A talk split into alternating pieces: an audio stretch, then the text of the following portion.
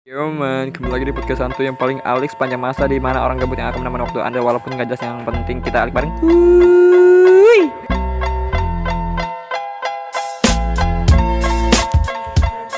Yo man, bro bro bro bro, yo that's kuy from to the check, stay tuned podcast alik bareng kuy. Yo man, masih bersama gue lagi, gue lagi, gue lagi dan lagi. Biasa hari-hari ini malam-malam nongkrong. Nggak pernah ketinggalan rutin nongkrong terus. Apa kabar rumah sih? Jadi apa sih? Gue pengen ngomong apa ya? Nih ada cerita sedikit sih. Cerita horor mungkin. Jadi gimana ini? Aduh gue tuh baru kali ini gue membahas cerita horor. Jadi ya kalau lu mungkin merasa takut ya gak apa-apa sih. Ini akan sedikit mencengkam di malam-malammu. Human. Suaranya kurang kurang mantep sih. Jadi gini ceritanya. Hmm, temen gue. Temen gue itu dia lagi naruh uang sih. Dia bukan lagi naruh uang dia emang naruh uang tuh di lemari gitu. ah. Eh gue sopan kagak? iya iya iya. Nggak apa nggak apa. Santuy santuy santuy. Jadi gini ulang tadi ya teman gue biasa. Biasa orang sopan malah digituin gue gede banget. Udah lu mas diam diam aja lu mas. Gue lagi mau ngomongin cerita horor ini. Ah ya ya ayo ayo ayo. Lanjut lanjut lanjut lanjut. Jadi teman gue itu nyimpen uang biasanya kan di lemari. Entah kenapa gitu. Uangnya lama-lama berkurang. Cepet cepet cepet cepet. Gue nggak tahu entah siapa yang ngambil atau dianya gitu yang kita mana tahu. Tiba-tiba duit cepat banget habisnya gitu. Padahal dia tuh jarang mak jarang dipakai sama dia jarang dipakai buat jajan. Mungkin ya dipakai untuk ya buat pergi-pergian doang sih Bosan juga jarang jajan gitu. Dan sampai akhirnya dia teman-teman sekolahnya itu nitipin dia uang. Jadi kayak dia berkata apa sih namanya? Bendahara. Dia bendahara di kelas.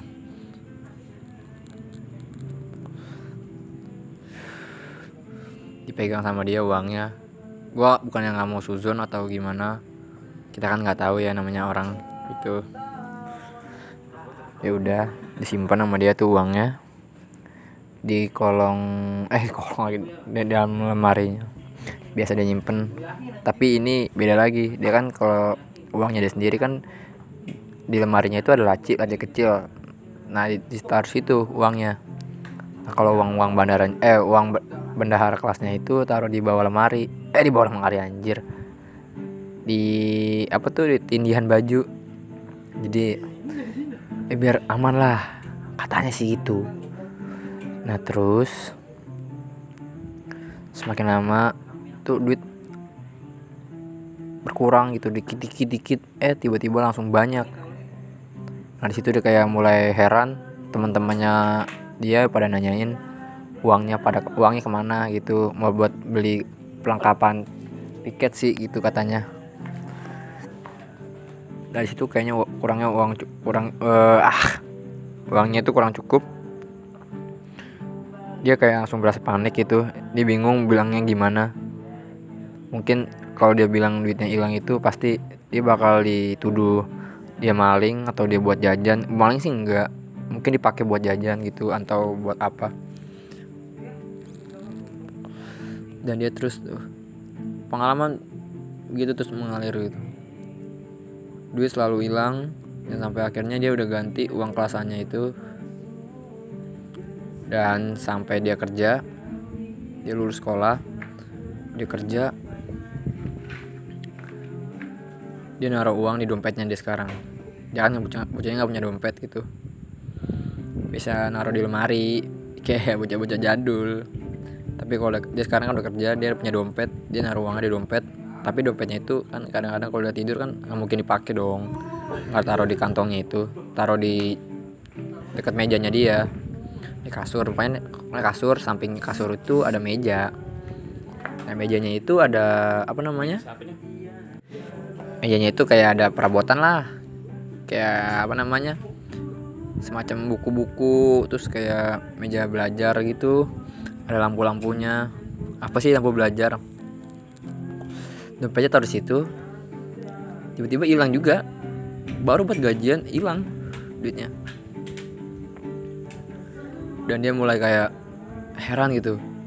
Kayaknya uang kok lama-lama sering banget gitu hilang. Dari dulu-dulu dia pen- nggak pernah bilang gitu ke orang tuanya. Dan pada akhirnya dia beranikan cerita gitu ke orang tuanya.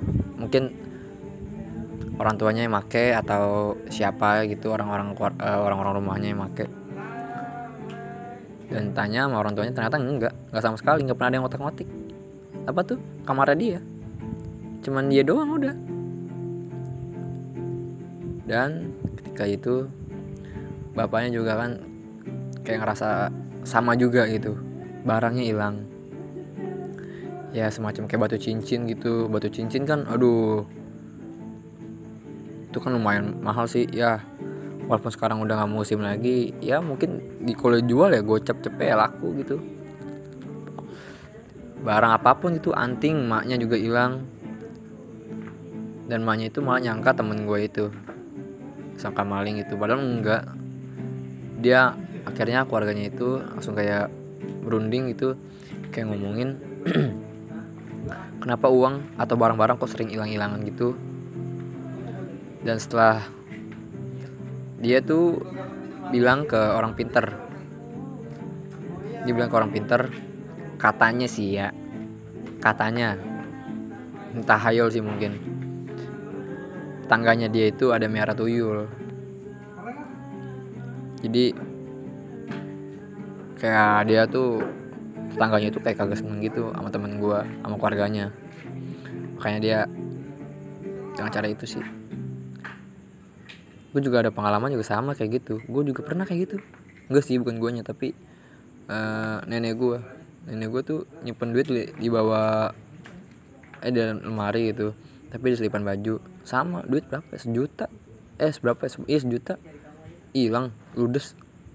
Kalau maling kan pasti kan berantakan gitu ya. Dia bakal digeratak sama dia. Ini mah kagak rapi pakaian masih masih rapi nggak ada yang lecak lecak sama sekali tiba-tiba hilang aja gitu. Dan telidiki ternyata benar. Ada merah tuyul. Kenapa ya orang-orang begitu ya? Gue bingung sih. Iya. Buat apa gitu? Dia kaya tapi dengan cara yang haram. Ya emang sih. Zaman sekarang tuh mengharamkan segala cara. Mengharamkan lagi menghalalkan segala cara ya contoh aja kayak yang kemarin tuh yang udah-udah aja.